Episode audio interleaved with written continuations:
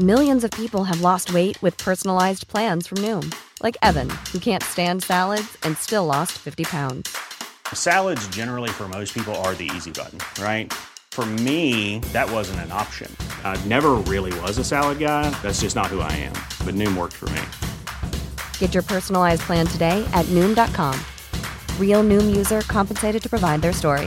In four weeks, the typical Noom user can expect to lose one to two pounds per week. Individual results may vary. Burrow's furniture is built for the way you live.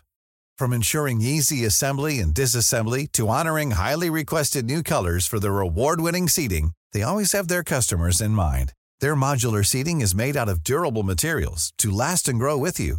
And with Burrow, you always get fast, free shipping. Get up to 60% off during Burrow's Memorial Day sale at burrow.com slash ACAST. That's burrow.com slash ACAST. burrow.com slash ACAST. Everyone knows therapy is great for solving problems, but getting therapy has its own problems too, like finding the right therapist, fitting into their schedule, and of course, the cost. Well, BetterHelp can solve those problems. It's totally online and built around your schedule. It's surprisingly affordable too. Connect with a credentialed therapist by phone, video, or online chat, all from the comfort of your home. Visit betterhelp.com to learn more and save 10% on your first month. That's BetterHelp, H E L P.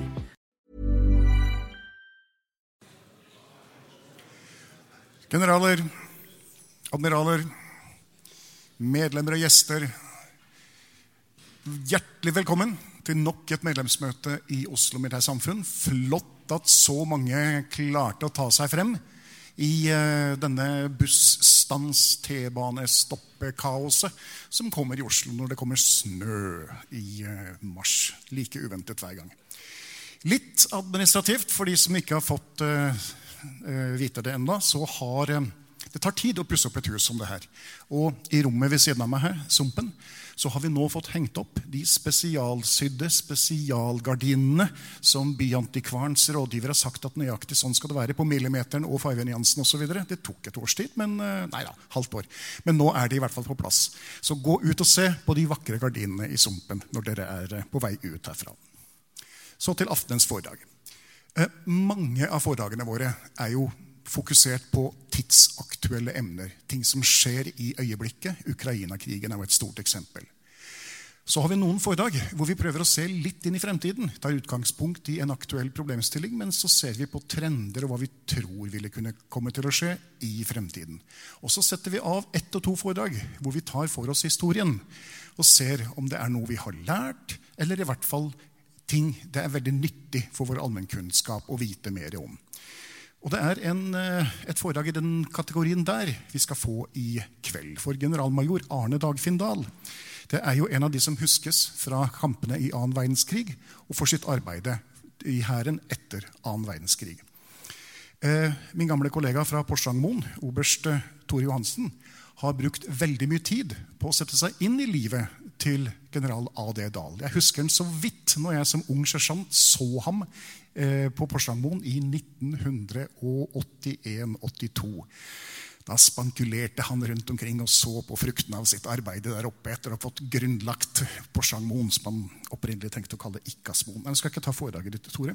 Men det vi skal få høre i kveld, bygger i stor grad på et foredrag som Tore hadde skrevet til GPS, Garnison i Porsangers 75-årsjubileum i 2020.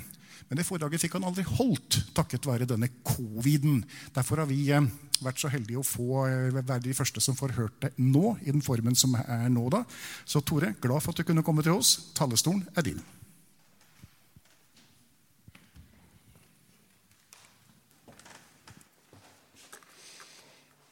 Blir jeg hørt? Det er bra. Ok, Først bare kort min bakgrunn for å ha dette foredraget. Å, har vi noe et eller annet? Ja. Eh, det var å ha to år med Arne Dagfinn Dahl som, krigs, som eh, krigshistorielærer på Krigsskolen. Han var jo der helt til 1974. Eh, han var jo meget spesiell, og for alle de som har hatt ham som krigshistorielærer, så er det mange historier som vi husker.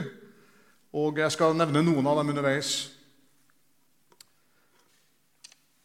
F.eks. Eh, gamle generalinspektøren for Heimevernet, Odd Tangen, Kulling.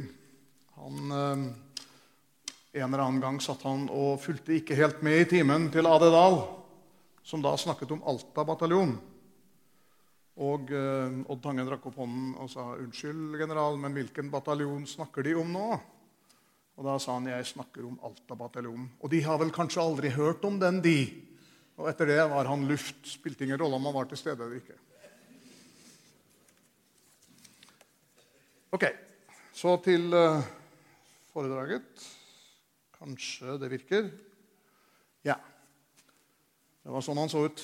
Rett i ryggen. Kort bare Han er jo født som alle andre.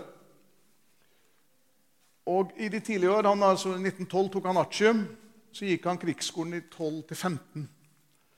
Og så ble han, eh, da han gikk ut, assisterende militærattaché til England og til Belgia i tre år, fra 16 til 19. Og Da tok han internasjonalt flysertifikat. Og En gang vi skulle ha ham til Porsangmoen, så var Sverre Seberg nede og henta han. Og det var ennå mens gamle Fornebu levde.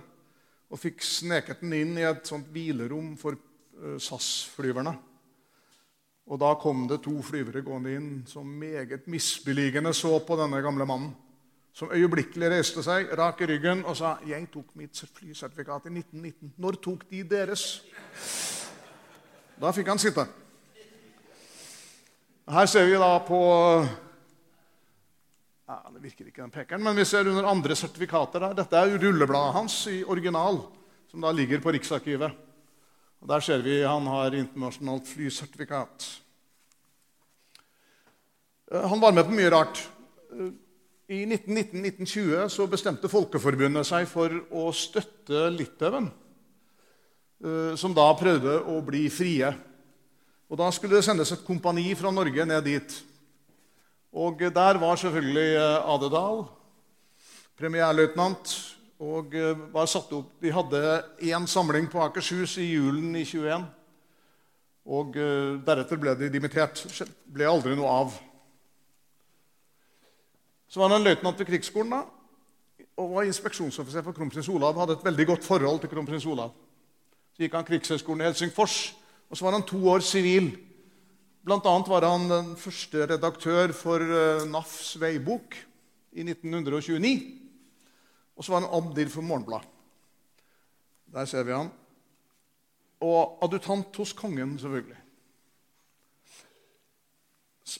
Litt om historien. Det var jo mye kamp mellom den høyre og den venstre siden i politisk sett på den tiden. Og som et uh, motbør mot det brukne gevær spesielt, så ble det opprettet noe som het Samfunnsvernet. Og Det var uh, sjefen for Garden, som het oberstløytnant Vosleff på den tiden, som opprettet dette i 1924. Og i dag ville vi nå antageligvis ha kalt dette for noe ekstremt ute på høyresiden. Men Adedal hadde en lederposisjon i Samfunnsvernet i Oslo. Og De hadde helt opp til 3000 medlemmer. Og Etter hvert så ble de godkjent som reservepoliti. Og Quisling hadde en stor plan om å bruke dette samfunnsvernet i forbindelse med hans, på, hans ønske om et statskupp i 30-årene. Og I 36 så ble det forbudt, rimelig nok. Han var sjef for krigsskolen, og her ser vi noen kjente. F.eks. Herman Fredrik Seiner Gundersen var elev. Noen kjenner kanskje Einstadbland. Og her har vi et bilde fra han på Alta gård under eh, øvelser med Alta bataljon. Og Alta bataljon den eh, ble som alle de andre avdelingene ble eh, sendt på ble sendt på um, nøytralitetsvakt uh, mot Finland og lå da i Pasvikdalen fra oktober 39. Og Så ble de demobilisert i januar 1940. Og så ble det en ordnet mobilisering igjen den 9. april 1940 og sendt sørover den 19. april. Og da eh, husker vel alle det som skjedde rundt Narvik. Blant annet er det jo en film som har kommet, som skulle prøve å si noe om det, men som veldig dårlig grad klarte det. Han eh, kom da i, eh, i forbindelse med kampene i Grattangen, da, hvor 2. bataljon IR-12 eh, veldig mange døde der i forbindelse med et tysk overraskende angrep, så lå Alta bataljon lå da lenger inn mot svenskegrensen. Og det ble påstått at Alta bataljon da hadde skutt på sine egne. Blue on blue. Uh, det var forferdelig uvær i denne perioden.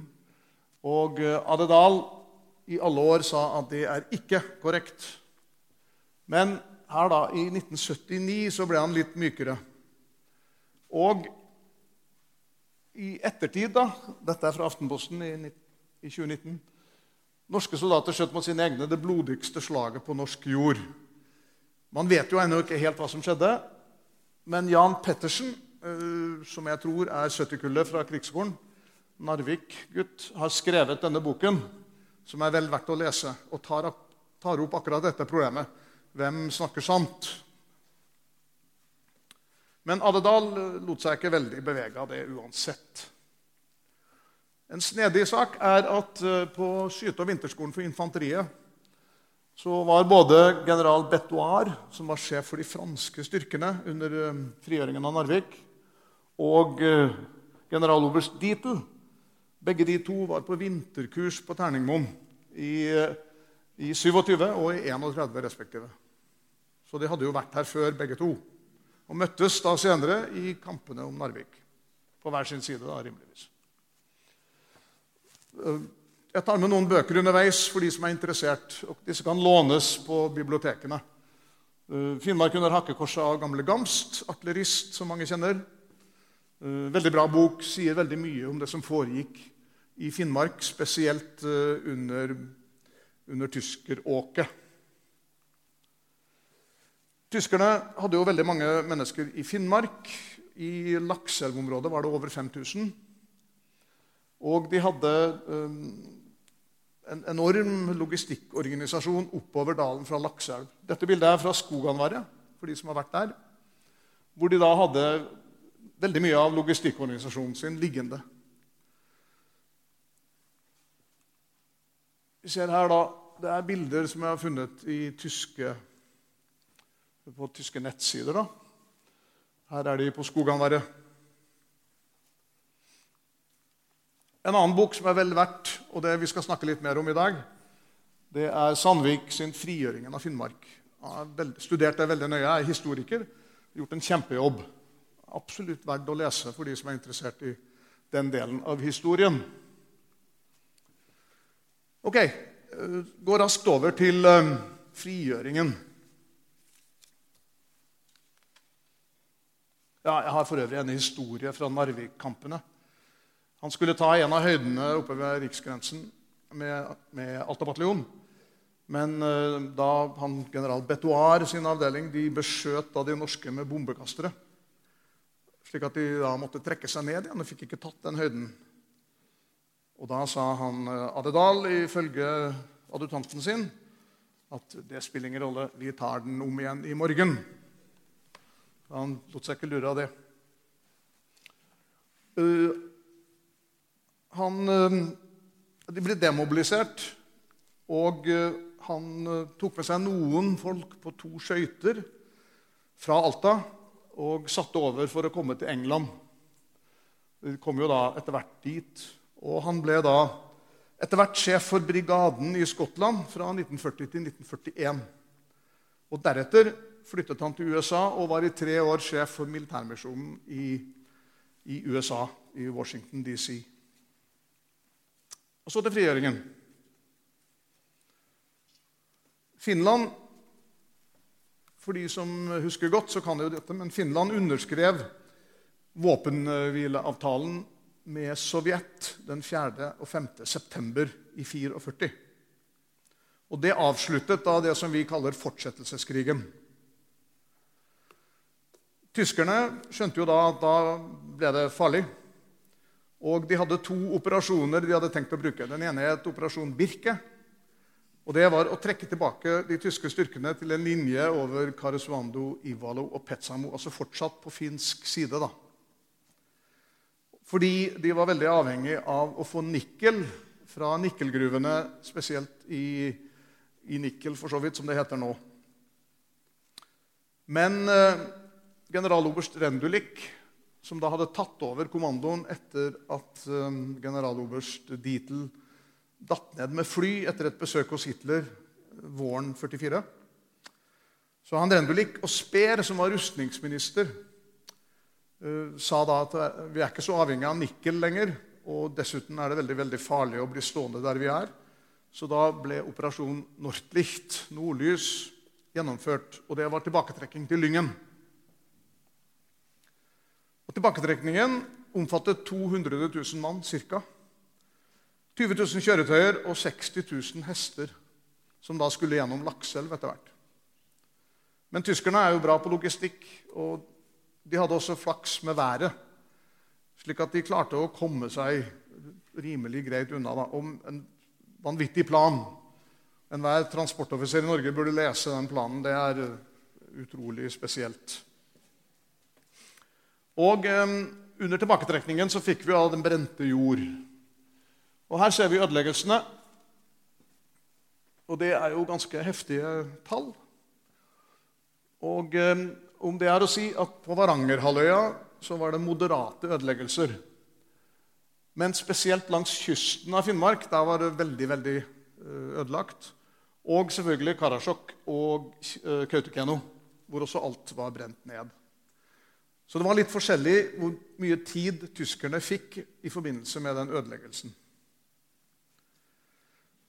Eh, han eh, Rendulik sjøl eh, satte da hovedkvarteret sitt i Skoganvaret. Og Der var han fra 28. oktober til 6. november. Og når jeg var der første gang i 1973, så sto det en, noe lignet en Moelven-brakke på hjul som sto på Skoganvaret. Og den påsto da Adedal ved et besøk at det var kommandoovna til han generaloberst Røndulik, sjef for det 20. Berg, Bergarmeen. Eh, etter 17.11. så flytta de til Alta, og så til Rundhaug, og så sørover til Lillehammer. Mange tror at Alta var tom for folk. Det var det absolutt ikke. Eh, 37 000 mennesker ble evakuert av tyskerne under særdeles dårlige forhold. Ofte via Tromsø med båt. Mens 23 000 klarte å lure seg unna i Fannmark og var der helt frem til frigjøringen.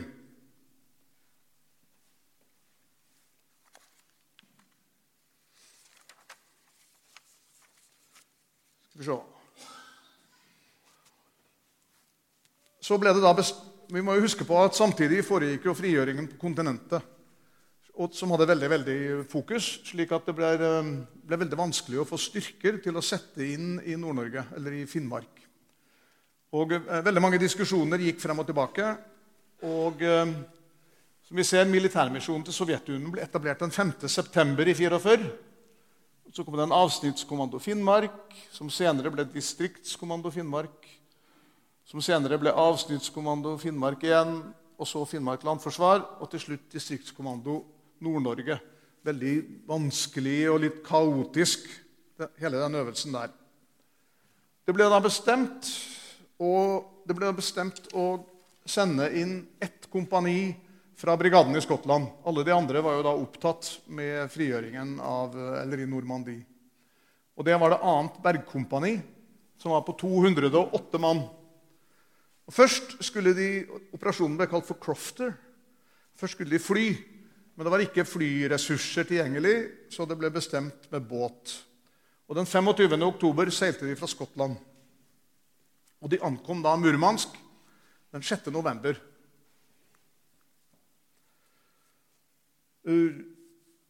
Og Den 7. november kom da han Arne Dagfinn Dahl med sin lille stab også til Murmansk. Og da er det kanskje viktig å se litt her. Den hundrede og um, Det russiske angrepet det starter den 7. oktober mot de tyske, tyske styrkene som da ligger i Russland. Og det var da den 19.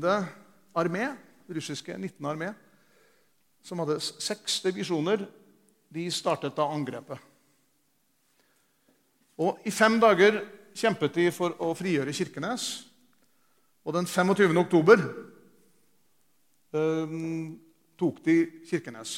Mens tyskerne da fortsatt fortsatte langs rv. E6 her, rv. 50 da på den tiden. Og de ødela stort sett alt som var av broer og slike ting. Mens russerne fulgte da etter, og vi ser det er tre røde sirkler. Det ene er i uh, Nettopp. I Neiden. Og så er det Hauksjøen, og så er det Varangerbotn. Og Det er de tre stedene hvor det var ganske harde og store kamper. Så Den 25. oktober som sagt, hadde de frigjort Kirkenes. Og den 7. oktober kom de til Tana bru. Og Den røde streken markerer da hvor langt russerne gikk. Og Det er litt viktig når det gjelder frigjøringen av Finnmark, å se på det todelt. Den første delen er altså det russerne gjorde. Å gå til Tana bru, hvor kamphandlingene var tunge og store, og hvor russerne mistet 628 mann og hadde 1500 cirka, som var såret. Meget harde kamper. Den andre delen det er frigjøringen av Finnmark fra Tana bru og til fylkesgrensen. Hvor det ikke var noe skikkelige kamphandlinger, som vi kaller det nå. Det det derimot var, det var en enorm patruljering, enorm, mange små clash men i hele den perioden fra Tana bru til fylkesgrensen mistet Norge fire mann og hadde tolv sårede. Så det er veldig viktig når vi snakker om frigjøringen av Finnmark. så Den siste delen var ikke veldig mye slåssing. Men det var tøft nok. Definitivt.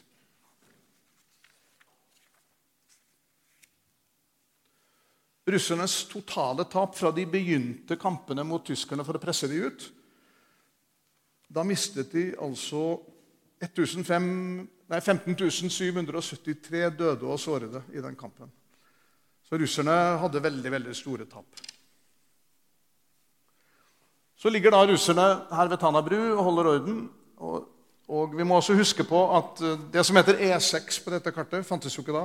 Det var ikke vei langs Tana elv. Rv. 50 gikk over Ifjord, den ytre veien som vi kaller det nå. Og, eh, og eh, Skal vi se ja, Så den 26. november da ble altså Bergkompaniet transportert fra Kirkenes av russerne til Tana bru. Og besatte da stillinger langs elva, langs Tana elv nordover, slik vi ser det på kartet her. Og Det er jo ingen som vet hvorfor russerne ikke, ikke gikk videre. Det, det, er jo mange diskusjoner om det, men det aner vi jo egentlig ikke hvorfor. Men alle de norske styrkene var underlagt russisk kommando helt frem til 26. februar i 45. Og fikk sine operasjonsordrer på høyt nivå da, fra russerne. Så hvis vi da ser litt mer på operasjonene da fra Tana bru så var det ca. 60 000 kvadratkilometer med ingenmannsland, på en måte. Med tilbaketrekkende tyskere og norske patruljer som fulgte etter dem. Og tilbaketrekkingen 19. armékorps gikk da gamle rv. 50. 36. armékorps kom da opp fra Rovaniemi. Og så gikk alle sammen over Sennalandet til Alta. Og Det betyr at alle disse passerte gjennom Lakselv. Og Det finnes vitneobservasjoner på hvordan det var i Lakselv på den tiden. Og det var helt et eventyr. For de fleste måtte jo gå.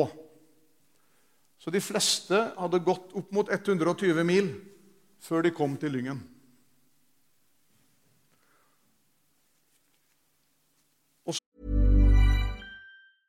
Ready to pop the question? The jewelers at BlueNile.com have got sparkle down to a science with beautiful lab grown diamonds worthy of your most brilliant moments. Their lab grown diamonds are independently graded and guaranteed identical to natural diamonds, and they're ready to ship to your door. Go to Bluenile.com and use promo code LISTEN to get $50 off your purchase of $500 or more. That's code LISTEN at Bluenile.com for $50 off. Bluenile.com code LISTEN.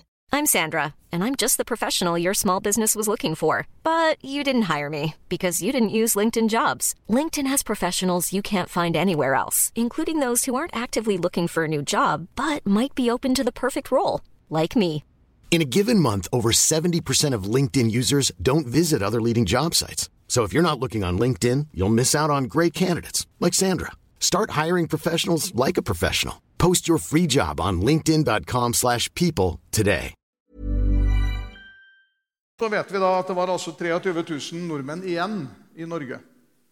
Eller i, i Finnmark over hele. Eh, spesielt på Varangerhalvøya var det masse folk. Og på en del av øyene ute ved kysten var det mye folk. Og selvfølgelig i gruvene i Bjørnevatn, Kirkenes, var det også veldig mange som hadde vært og ble frigjort av russerne.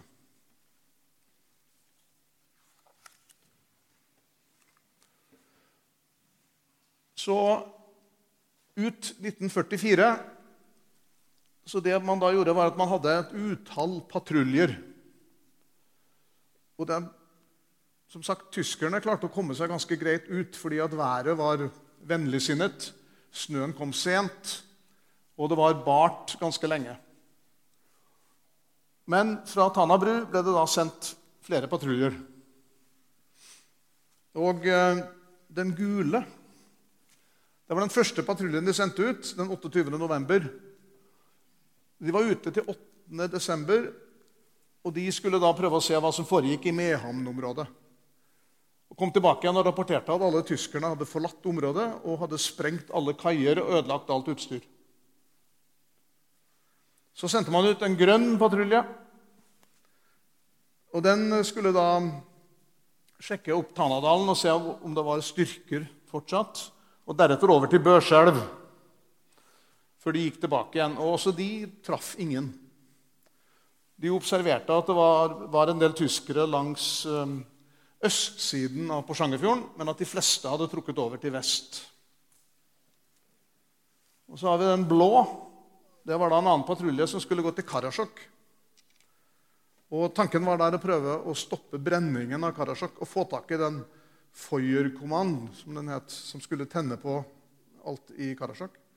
Men de kom for sent. Og De var ute fra 29.11. til 11.12. Så vi skjønner at det er ganske tøffe tak. Og dette var stort sett troppspatruljer, eller halvtropper.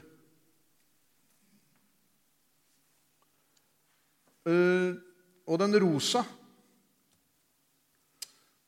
Den uh, skulle da sjekke ut helt til Kautokeino. Med samme hensikt prøve å stoppe eventuelt brenning hvis den ikke var utført. Og så rekognosere seg tilbake igjen opp til Kunes, og så tilbake til Tana bru. Og de var ute, i, de var ute fra 15. desember til 21. januar. Og levde på landet, som vi kaller det. Det var altså veldig lite forsyninger å ha med. Så de levde på ved at de traff en del samer, fikk reinsdyr og slike ting. Og samla opp masse folk som de tok med seg tilbake til Kunes og til Tana bru, og som så gikk inn i de norske styrkene. Og De norske styrkene ble etter hvert ca. 3000 mann ut ifra de 208 som kom opprinnelig.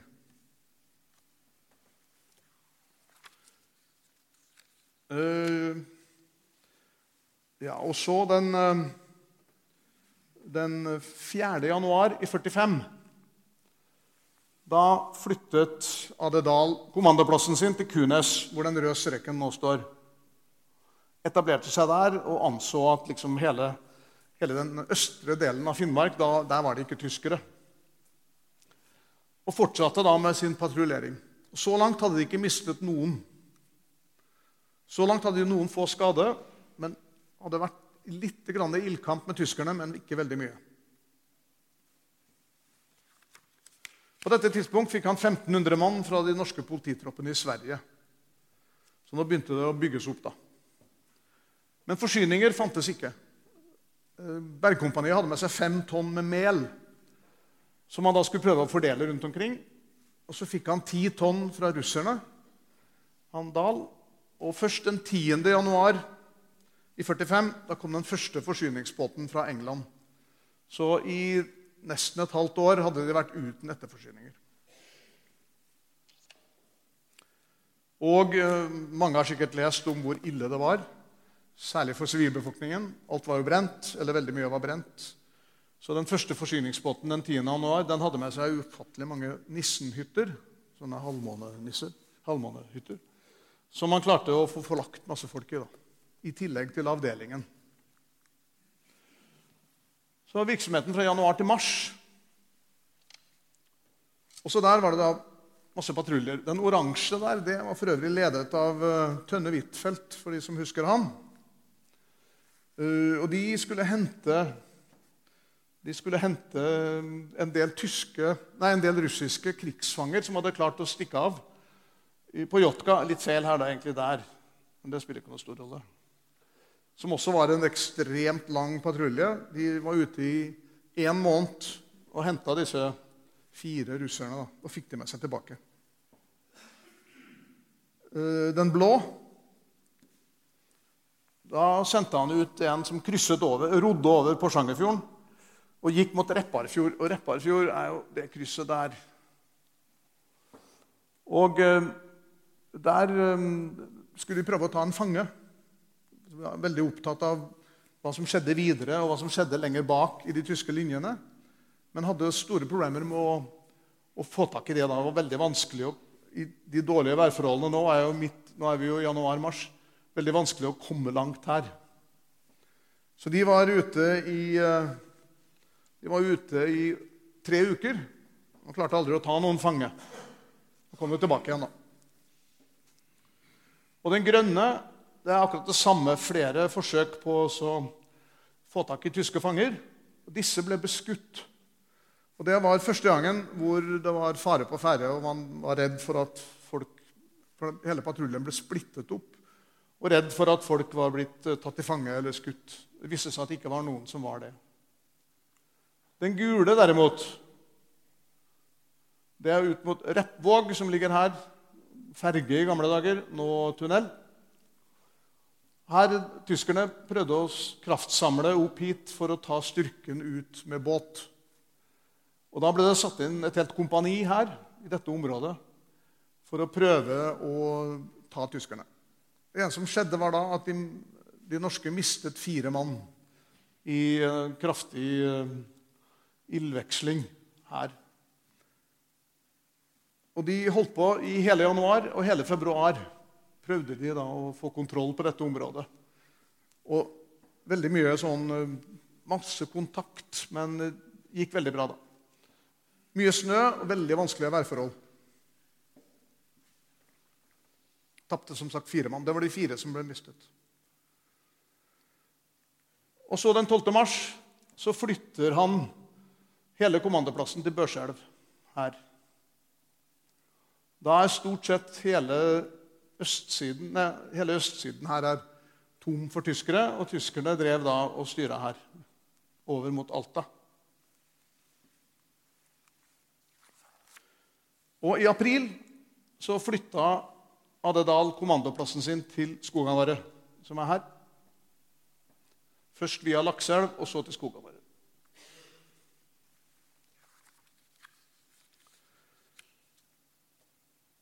Han etablerte seg da i Skoganvarre den 1. april 1945. Og Da hadde hele den tyske tilbaketrekningen var da ferdig. 26. mars ble det rapportert at alle tyskerne var ute av Alta.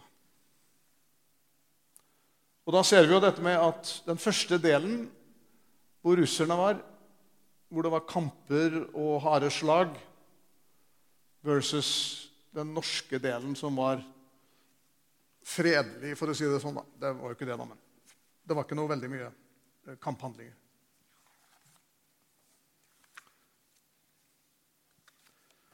Og den 26. april så meldte A.D. Dahl Finnmark fritt. Fortsatt, sånn, fortsatt lå russerne ikke helt god, den her, men det er den også. Fortsatt lå russerne frem til Tanabru.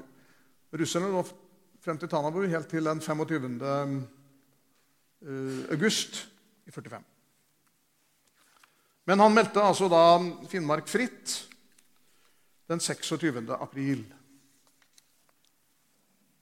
Jeg Har noen bilder her. Det er da Adedal kommandoplassen på Skogamare. Det samme. Og eh, han var jo da konge i Finnmark, for å si det mildt. Så den 14. november i 44 så utnevner han ny fylkesmann. Han tar den jobben selv. Han hadde, litt, han hadde ganske dårlig kontakt med, med England og gjorde stort sett som han ville. Og det sa han selv også. Eh, et sånt lite apropos er at oppsettingen av samband her var vanskelig. Og det var da han Bjørn Rørholt, for de som vet, han startet dette på Telleplan. Og han Råby, som eh, en hersittende har skrevet bok om. Som vel er da nevø eller et eller annet Nei, han, vår Råby er nevø til han andre Råby fra Andøya, tror jeg. Så de satte opp et ganske heftig kortbølgenett. Bl.a. for å prøve å holde samband til patruljene. Og de, eh, men den båten som kom med sambandsutstyret, den sank selvfølgelig. Så det ble over en måned utsettelse før de klarte å få noe kontakt. Så de fleste av patruljene hadde man ikke kontakt med, og de meldte bare tilbake når de kom hjem. Det er vanskelige forhold.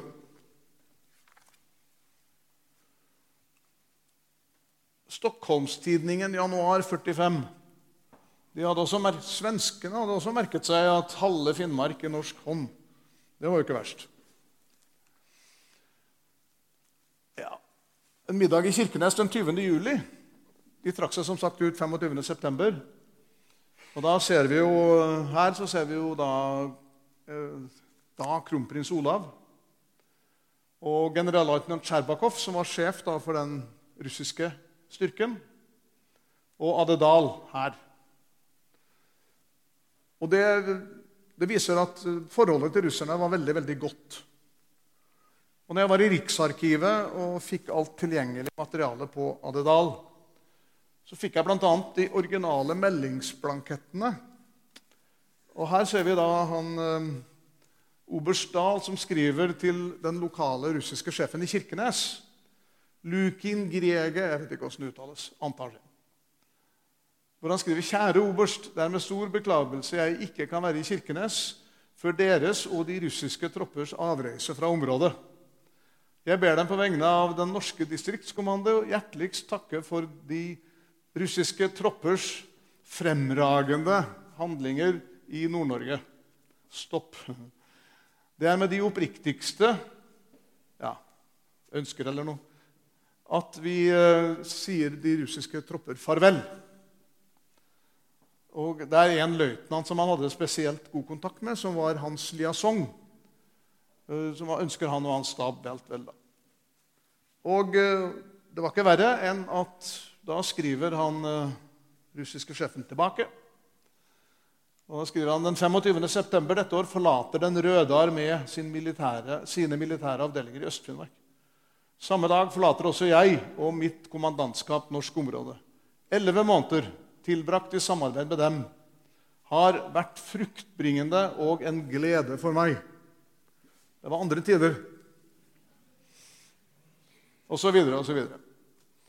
Og Det sa også general Dahl når vi hadde disse krigshistorietimene. Og hans krigshistorietimer gjaldt stort sett ham i to år. Så vi ble ganske, ble ganske drevne i hva Adedal hadde gjort. Og han, han, påpekte veldig dette med det gode forholdet til russerne. Bl.a. da han ankom Murmansk, så hadde han blitt øyeblikkelig sendt med bind for øynene om natta til en uh, tømmerhytte hvor den russiske sjefen satt med sin stab. Og Han ble da inn, fikk tatt av bindet for øynene, og så ble det middag og greier. Og de begynte jo med en gang å skjenke vodka. Og Da fortalte han det at jeg skjønte jo hvor dette bar. Så jeg skjønte jo det. Så jeg klarte og jeg helte ut vodkaen på gulvet og drakk litt og litt. litt. Men etter hvert så jeg at den russiske generalen begynte å bli ganske påselet. Da skjenket jeg i glassene han, og sa 'Skål, general!' Da var han sliten, han russeren. Han hadde mye sånne. Så han var ganske aktiv på å skrive. Og nå er vi liksom litt utpå etter frigjøringen, da. Og han eh, skrev her da fra eh, Nord-Norges forsvar fra vikingtiden til i dag. Og Der skriver han da spesielt dette om finnmarkingene og deres innsats i forbindelse med frigjøringen. Og det er jo en ganske, jo en ganske god attest til de stakkars finnmarkinger som da hadde blitt igjen, og som da til slutt meldte seg inn i hans avdeling og ble med. Drøyt 3000 da, i sånn midtveis. Med en slik befolkning på Norges ytterste forpost er fedrelandet vel tjent. Det er, det er bra. Så er det da etter krigen. Og nå kommer vi inn på det som kanskje har noe å gjøre med at han jo på en måte var konge i Finnmark. Han ble på en måte større enn seg selv. Så han var sjef til EKN fra 16. oktober og i tre år. Og så ble han sjef for Tysklandsbrigaden. Og hovedkvarteret lå da i, i Ja, whatever. Kommer det eksempel? Lå ved Kielekanalen. Og alle, alle, de fine og flotte husene som tyskerne da hadde, de som bodde i Rensburg, var dette, de var jo da konfiskert og ble brukt av Tysklandsbrigaden. Og Adedal han hadde jo da selvfølgelig det fineste huset. Og da han dro hjem, etter å ha vært der et år, så påstås det da at han hadde rullet sammen to fine persiske tepper som han tok med seg på flyet. De landa på Fornebu da, på den tida. Men der var det en meget våken MP som hadde stoppet han og sagt at eh, det går ikke an, du må henvende deg der inne. Og Da ble han fratatt teppene, men det ble ikke gjort noe spesielt med det. Men det visste jo litt hvordan han var i ferd med å bli. Så ble han sjef DKN og øverstkommanderende i Nord-Norge i to år. Og Da fikk han Montgomery på besøk her på brua i Narvik, for de som er kjent. Reiste rundt og viste frem Narvik til eh, Montgomery da, i, i 51. Og Så ble han sjef for distriktskommando Sør-Norge i fire år, fra 52 til 56. Og her, i 56, etter en stor interpellasjon i Stortinget, så ble han stilt til rådighet for sjef for Hæren. Og deretter meddelt avskjed i nåde. To år før han egentlig skulle gå av. Og grunnen til det er Ja, jeg kan ta dette først. Han ble lærer i krigshistorie da, helt frem til 75. Men da han var sjef for DKS, og hans datter Elisabeth om jeg ikke husker feil, uh, kjøpte en, uh, et lite gårdsbruk i Telemark, inne i landet, uh, for 10 000 kroner, tror jeg.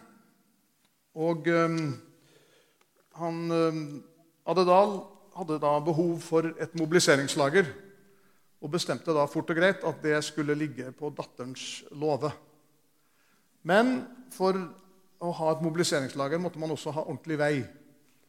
Så et ingeniørkompani som var inne på Repp, de lagde da vei til denne gården. Og, ja, og en del ekstra ting. Og da var det han og Dette kom da politikerne for øre. Og Jens Haugland, som da var politiker for Arbeiderpartiet, tok saken opp i Stortingets spørretime og uttalte at dette var misbruk av stilling og offentlige midler. Og Dahl ble da dømt i krigsretten til 45 dagers vaktarrest og 500 kroner i saksomkostninger. Og så valgte han da å gå av. Og Her ser vi rullebladet hans, baksiden, samme som vi så i sted. Og Helt borte til høyre her så ser vi militær lagmannsrett, som det het på den tiden. Det har vi ikke lenger. 45 dagers vaktarrest. Som han avtjente hjemme. Altså på kjøkkenet, nær sagt. Og så ser vi etter søknad avskjed i nåde fra fastlønt offisersembete fra 16.10.57. Så det ble liksom hans litt sørgelige endelikt. Og bare kort, da garnisonen i Porsanger skulle bli faneførende avdeling den 27. august 1973 Jeg var akkurat ankommet dit som ung løytnant fra Krigsskolen. Da Reidar Kvål, som har skrevet her han var øverstkommanderende i Nord-Norge, og han mente at han, eh, Ade Dahl, som tross alt hadde funnet opp i Gåseteng på Sjangon, han var en kjeltring og skulle ikke inviteres. Ola Berg, sjef på GP, ville gjerne invitere han som garnisonens grunnlegger. Men det skjedde ikke. Og Her ser vi da um, gjesteboka. Olav, Olav R., Ola Berg og Reda Kvål. Ingen Ade Dahl. Her er det faneoverrekking som jo var stort. Før det var det bare en øvingsavdeling. Da bestemte vi oss i befalsforeningen på Porsangon at vi skulle invitere han sammen med sjefen. Så i oktober ble han invitert opp.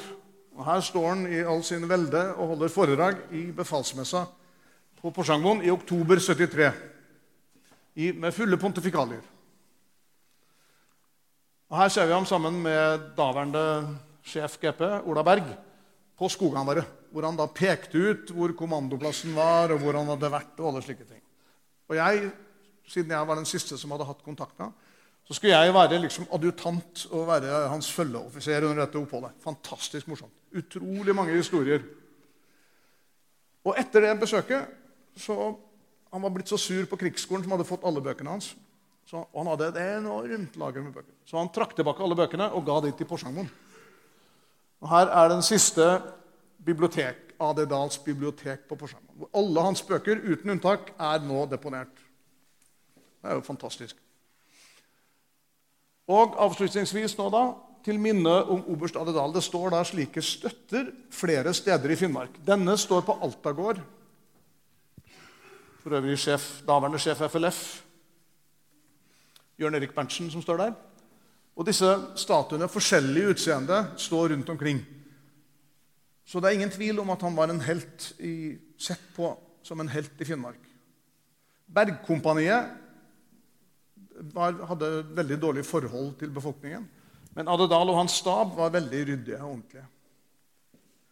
Og jeg husker I det 73-besøket da hadde vi en middag hvor vi hadde fått tak i alle som var fra Alta bataljon, som bodde i Lakseelv og eh, Skoganvaret og i Karasjok. Og hadde middag hvor han satt ved bordenden som en konge i uniform og alle disse andre satt nedover nærmest sånn. Han var, han var konge. Der kom han til sine egne. Og som vi ser Bildet også fra Skoganværet for øvrig. Men vi ser der han er jo forholdsvis godt dekorert. Forholdsvis godt dekorert. Det er ikke så mye skyttermerke og sånne ting. Så han ble jo satt pris på for det han gjorde. Men som sagt, faller man fra en slik posisjon, så faller man ganske tungt. Og det gjorde han. I ettertid var han på Porsangmoen stort sett hvert annet og tredje år. Skrev til de forskjellige garnisonssjefene og anmodet om å få komme og inspisere biblioteket sitt. Og mente at det burde Porsangmoen klare å betale hans flyreise. Hvilket vi gjorde. Så Han var stadig vekk på Porsangmoen. Og flere her som jeg kjenner, har, har, og som du sa, husker ham fra den tiden. Men Avslutningsvis en snodig kar, men definitivt gjorde veldig mye godt for frigjøringen av Finnmark.